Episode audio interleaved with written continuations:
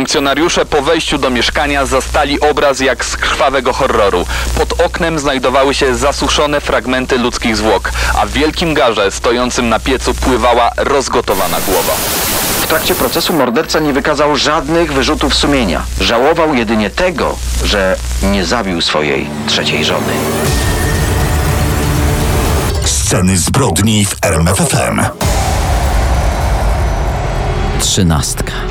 Dla jednych bardzo szczęśliwa, dla innych niezwykle pechowa. Ja należę absolutnie do tej pierwszej grupy. Zawsze, gdy w zespołach miałem możliwość wyboru numeru koszulki, to wybierałem numer 13. A widzisz, że ja y, wyjątkowo zawsze lubiłem dwójkę. No i tutaj w tym projekcie też jesteś numerem 2. Daniel Dyk. Dzień I dobry. numer 1 Kamil Barnowski. Dzień dobry, dobry wieczór. Witamy po prostu. Nie wiem, kiedy słuchacie tego podcastu, ale to jest właśnie podcast numer 13 i możemy Was zapewnić, że po tym podcaście trzynastka już zawsze będzie Wam się kojarzyła z nieszczęściami. Przed wami alfabet polskich seryjnych morderców. Zapraszamy. Daniel Dyk i Kamil Barnowski prezentują Sceny zbrodni w RMFFM.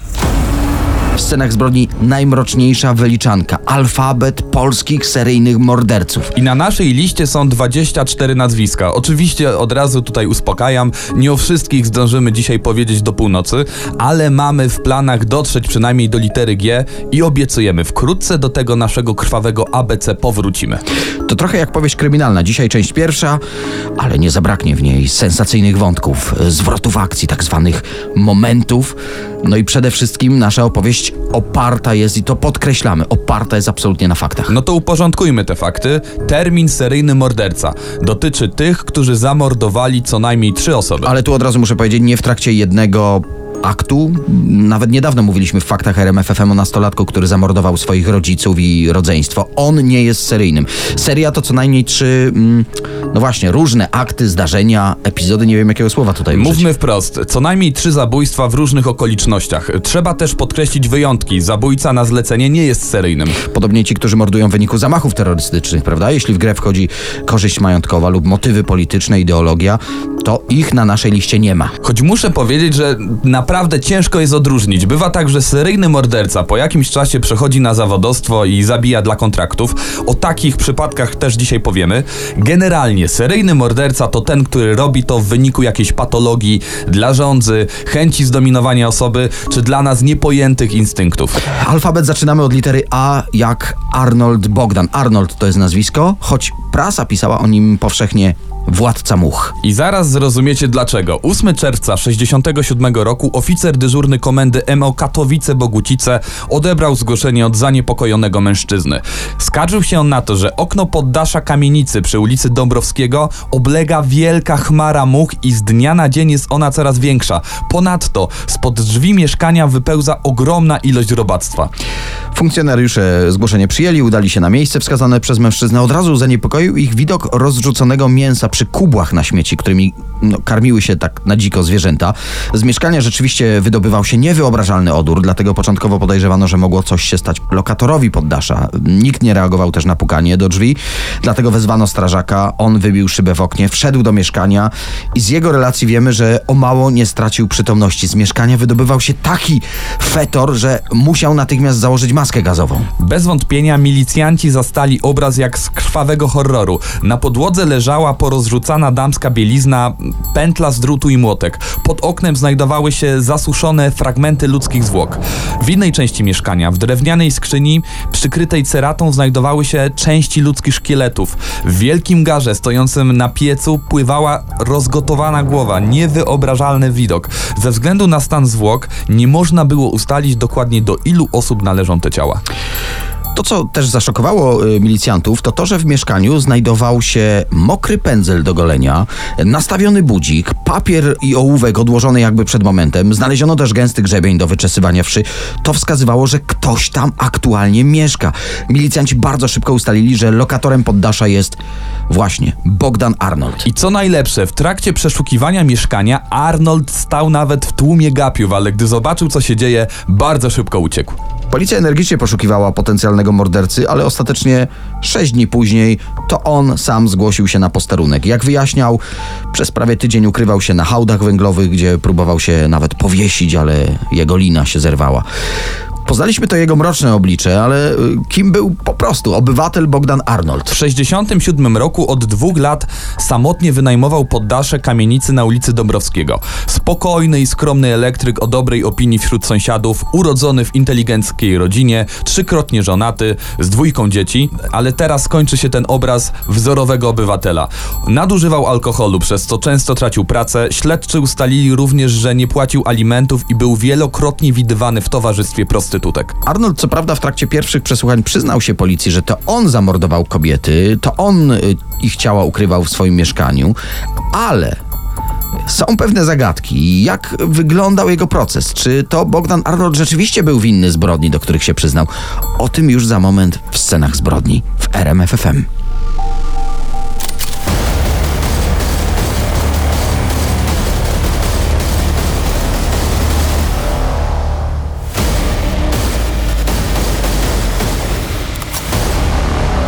Wróćmy w scenach zbrodni do y, mrocznej historii władcy much. Przypomnijmy, co wiemy na razie w tej sprawie. Bogdan Arnold przyznał się milicji do zamordowania czterech kobiet. Od 1966 roku do maja 67 mieszkał z rozkładającymi się zwłokami.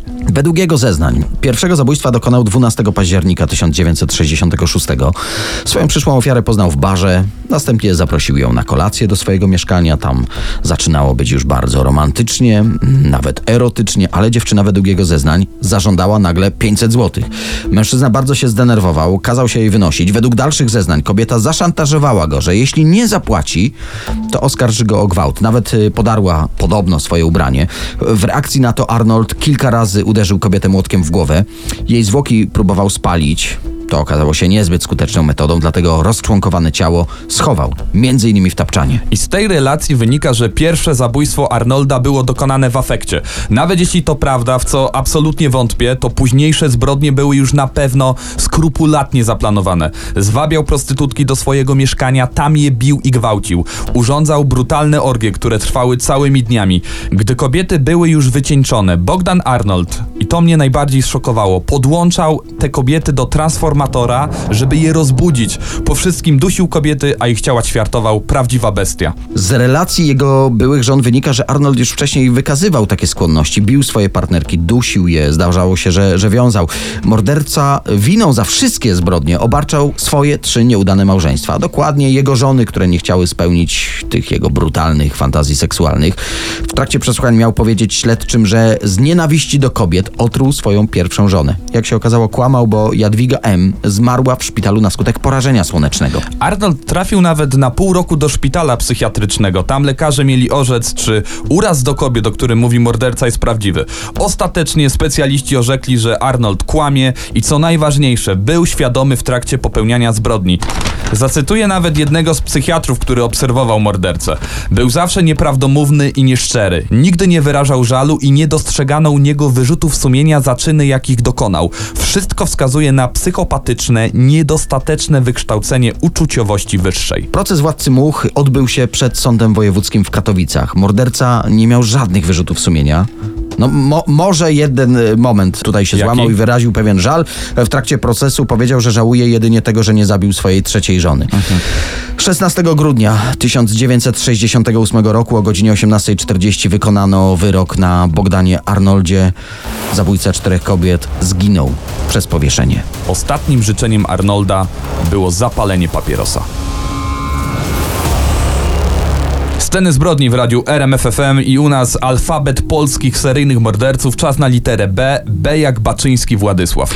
Z zawodu kierowca samochodowy, później rencista, żonaty, ojciec trójki dzieci, według sąsiadów wzór obywatela, bez nałogów. Za to w domu bezwzględny tyran, nieznoszący sprzeciwu. Władysław Baczyński, seryjny morderca, który grasował na terenie Wrocławia w połowie lat 50. Jednak swoją pierwszą ofiarę zabił 10 lat wcześniej w Bytomiu. Była nią 45-letnia Anna S., która niedawno przeprowadziła się na Śląsk z Lwowa. Zabił ją w lipcu 46 roku w parku strzałem prosto w serce. Co ciekawe, Anna mieszkała we wsi pod Wrocławiem, a do Bytomia przyjechała tylko po to, żeby odnaleźć swojego znajomego, który kilka dni wcześniej wcześniej okradł jej mieszkanie. Taki mroczny zbieg okoliczności. Sprawa pierwszego morderstwa Baczyńskiego została umorzona, ponieważ nie ustalono sprawcy. Jest listopad 56 roku, y, Wrocław. Wtedy zabił w bramie kamienicy swoją drugą ofiarę, wracającego z pracy Haima N. To zabójstwo było tak dokładnie wykonaną egzekucją, że policjanci początkowo myśleli, że, że Haim zmarł z przyczyn naturalnych. Nie było żadnych świadków, nikt nic nie słyszał. A zmarły miał przy sobie wszystkie dokumenty, nie brakowało też pieniędzy. Dopiero podczas sekcji zwłok, ku zdumieniu śledczych, zauważono ślad po kuli na wysokości klatki piersiowej. Na podstawie analizy pocisku z ciała Haima ustalono, że morderca strzelał do niego z dużej odległości, a na lufie broni zamontowany był tłumik. Następnie w styczniu 57 roku zastrzelił Józefa S., który nakrył go w swoim garażu na kradzieży samochodu. Na miejscu zbrodni policja znalazła oprawkę od zegarka należącego do Haima N., poprzedniej ofiary Baczyńskiego, o niej już wspominaliśmy. Mimo tego, że mordercę widział syn Józefa S. i jego żona, która nawet próbowała go gonić, mieli więc doskonały rysopis sprawcy, policji nie udało się ustalić, kim jest morderca. Czwartą ofiarą wrocławskiego mordercy był kierownik administracji wytwórni filmów fabularnych Józef W. W tej sprawie wojskowi eksperci również potwierdzili jego modus operandi, czyli snajperski strzał z dużej odległości prosto w serce. Specjaliści ustalili również, że broń mordercy musiała być wyposażona w odpowiednie narzędzia miernicze i na tej podstawie udało się zawęzić krąg poszukiwań do kolekcjonerów militariów, do myśliwych. Jednak pomimo intensywnych poszukiwań i tym razem nie udało się złapać mordercy.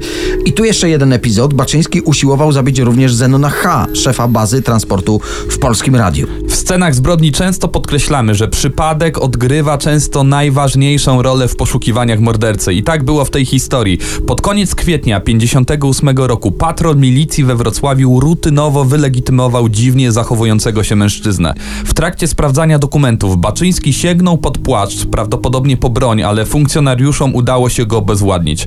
Znaleziono przy nim pistolet i ponad 60 sztuk amunicji, a po aresztowaniu w trakcie przeszukiwania jego domu natrafili już na prawdziwy arsenał broni, którego nie powstydziłaby się jednostka wojskowa. Ekspertyza broni w domu Baczyńskiego wykazała, że to właśnie z niej zastrzelono Annę S., Haima N. i Józefa S. Dodatkowo jego winę potwierdzili również świadkowie, którzy widzieli go na miejscach morderstw. W trakcie rozpraw Władysław Baczyński wyjaśniał, że motywem niektórych z jego zbrodni była chęć po prostu zemsty na szefach, którzy zaszli mu za skórę w miejscach, w których pracował. Jak sam mówił, tępili go albo przenosili na gorsze stanowiska. Psychiatrzy ustalili, że był w pełni poczytalny w trakcie popełniania przestępstw, ale zauważyli również u niego, i teraz pozwól, y, ja zacytuję, brak więzi uczuciowej z najbliższą rodziną, egocentryzm, skłonności do despotyzmu, skrytość. Finał tej historii rozegrał się 21 września 59 roku w Sądzie Wojewódzkim we Wrocławiu. Sąd skazał Władysława Baczyńskiego na karę śmierci za cztery zabójstwa i dwa usiłowania. Wyrok wykonano 7 maja 1960 roku. Został stracony przez powieszenie. Przed chwilą powiedziałeś, że wpadł przez przypadek i ten przypadek uratował wiele istnień. Podczas przesłuchań Baczyński przyznał, że przygotowywał długą listę osób, których jeszcze chciał się pozbyć.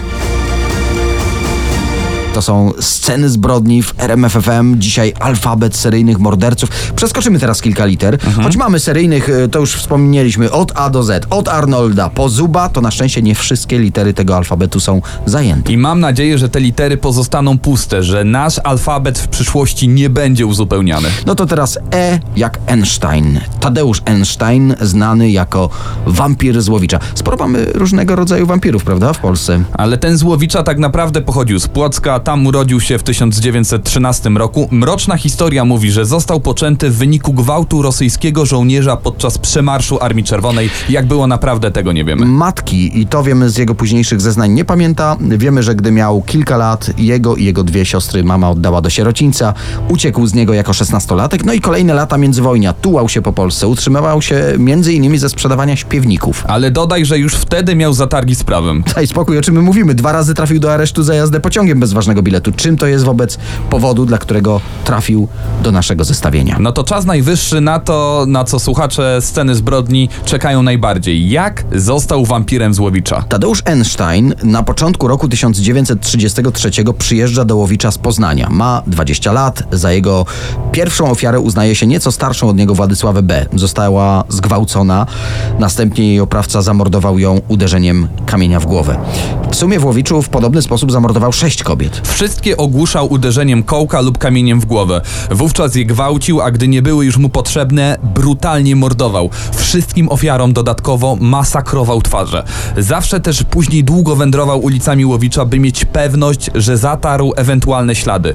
Gdy zamordował po raz szósty, policja jest niemal na każdym rogu miasta, postanawia więc uciec do Włocławka i tam morduje po raz siódmy. No i planuje kolejne mordy, kolejne gwałty, pozwala sobie na coraz więcej. Porwał y, naraz dwie dziewczyny nastoletnie, zmusił je, by poszły za nim. Być może po to, by je zastraszyć. Opowiedział im o swoich poprzednich morderstwach. A może po prostu się chwalił, przewidział, że to ostatnia opowieść, jaką usłyszą te młode dziewczyny w swoim krótkim życiu. Jednak dziewczynom udało się zawołać policjanta. Einstein ucieka, policyjna obława zaciska się, w końcu zostaje ujęty na terenie włocławskiego klasztoru reformatów. Wówczas śledczy powiązali go również z tymi łowickimi zbrodniami. Nawet został wysłany do Łowicza w celu przeprowadzenia wizji lokalnej pod eskortą pociągiem, a jako, że o sprawie pisały wszystkie gazety, na stacji kolejowej pojawił się wzburzony tłum, który próbował dokonać na nim linczu. Naprawdę niewiele brakło, a Einstein zginąłby na tym peronie. Przyznał się do zbrodni przynajmniej w trakcie przesłuchań na policji. W trakcie samego procesu sądowego zrzucał winę na kogoś innego. Sąd okręgowy we Włocławku nie miał jednak wątpliwości. Wziął też pod uwagę y, jego trudne dzieciństwo i potraktował to jako okoliczność łagodzącą. Dlatego za siedem morderstw kobiet, dodatkowo za trzy gwałty, 23 sierpnia 1934 roku Einstein został skazany na zaledwie 15 lat więzienia. Płatni zabójcy, seryjni mordercy i sceny zbrodni w RMFFM. Alfabet polskich seryjnych morderców. Teraz zatrzymamy się przy literze G. G jak Gawlik i G jak Grzesik. Alfabetyczny porządek jednak nakazuje, żeby zacząć od Gawlika. Krzysztof Gawlik, rocznik 65, pochodzi ze Świerczyny. Nie będę mówił której, bo jest kilkanaście miejscowości o tej nazwie w Polsce, ale podejrzewam, że żadna z nich nie chciałaby się akurat z takim obywatelem kojarzyć. Ale wspomniałeś przy okazji poprzedniej sprawy, że mamy w Polsce sporo wampirów, tak? Jest też kilku skorpionów i właśnie prasa nazwała Gawlika. Warto od razu wyjaśnić skąd to się wzięło. Zabijał przy użyciu pistoletu maszynowego z tłumikiem, pistolet typu skorpion. Właśnie tak z jego ręki zginęło pięć osób. Zwykle mówimy o trudnym dzieciństwie morderców. Jak to było w tym przypadku? Tu zdaje się normalna rodzina. Tato górnik, zresztą poszedł w jego ślady i syn, też został górnikiem w wałbrzyskiej kopalni Julia. Z kolei mama, jak to się mówiło, gospodyni domowa. Ale ten właśnie tato często pijany bił żonę, no i małemu Krzysiowi od najmłodszych lat się dostawało. Wróćmy jednak do dorosłego Krzysztofa. Rok 2001 miał trafić w prasie na intrygujący anons zostawiony przez Sylwię L. 18-letnia prostytutka z Poznania, z którą umówił się na randkę 6 lutego. Zginęła jak na egzekucji z czasów stalinowskich. Seria strzałów w tył głowy. Zresztą tak kończyły wszystkie jego ofiary. Niektóre dodatkowo dźgał nożem.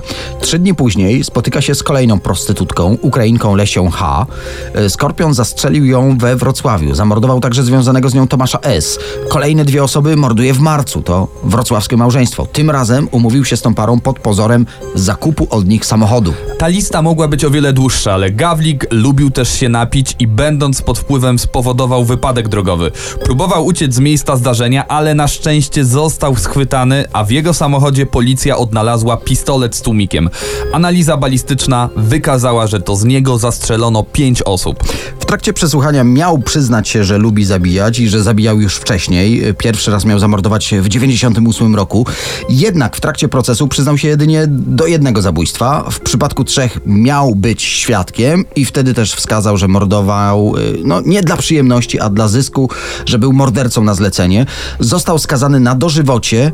O ewentualne warunkowe zwolnienie będzie mógł się ubiegać najwcześniej po 50 latach za kratkami. I tu też ciekawa historia. Próbował Próbował uciec w 2004 roku, wyrwał kawałek metalowej ramy więziennego łóżka i nim próbował przebić się przez mur. Strażnicy więzienni zauważyli to w trakcie przeszukiwania celi. Podobno niewiele brakowało, by skończył swoją pracę i uciekł. Daniel Dyk, Kamil Barnowski prezentują Sceny zbrodni w RMFFM. Skończyliśmy na literze G, to teraz znowu litera G, taki nasz alfabet.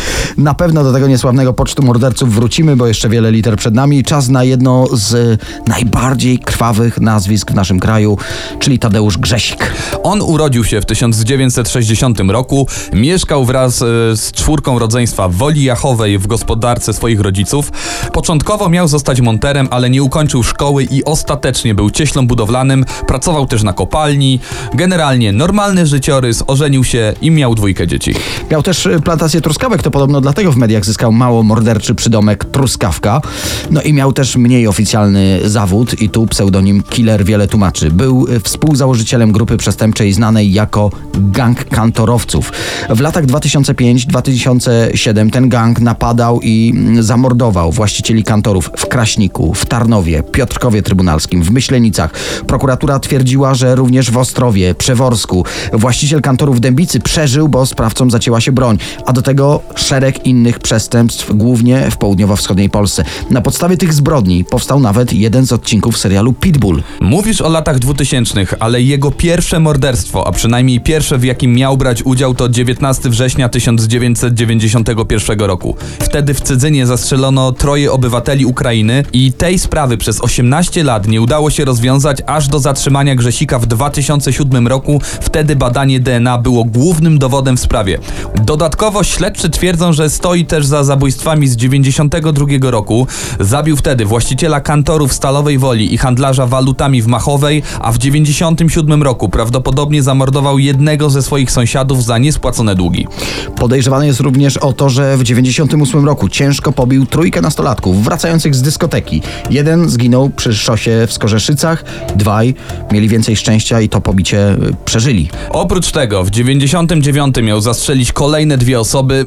Generalnie kartoteka długa jak wyrok. Tadeusz Grzesik odsiaduje dożywocie. To jeszcze mam y, H i J K L M Myślałem, że potrzebujesz pomocy, tak zawiesiłeś głos. Tak, ja bardziej myślę o tym, że jeszcze mamy 14, 15, 16, 17 numery kolejnych podcastów. No właśnie, my dopiero będziemy je planować, dopiero będziemy siadać do ich nagrywania, a wy może po prostu kliknijcie i one może już na was czekają. Dziękujemy za te 20 minut dzisiejszego spotkania. Pamiętajcie, że możecie obserwować podcast Sceny Zbrodni na różnych platformach streamingowych, na przykład na Spotify'u, RMF-onie, czy też na Apple Podcast i wtedy już na pewno będziecie na bieżąco. E, Jeśli chcecie być bardziej na bieżąco, no to słuchajcie tego programu Sceny Zbrodni w RMF FM w każdą niedzielę po 22. Jeszcze jedno ważne pytanie, czy pod tym podcaście numer 13 naprawdę chciałbyś jeszcze raz zagrać w koszulce z tym numerem na plecach? Wiesz co, jednak dwunastka też jest fajna. Daniel Dyk i Kamil Barnowski prezentują Sceny zbrodni w RMFFM.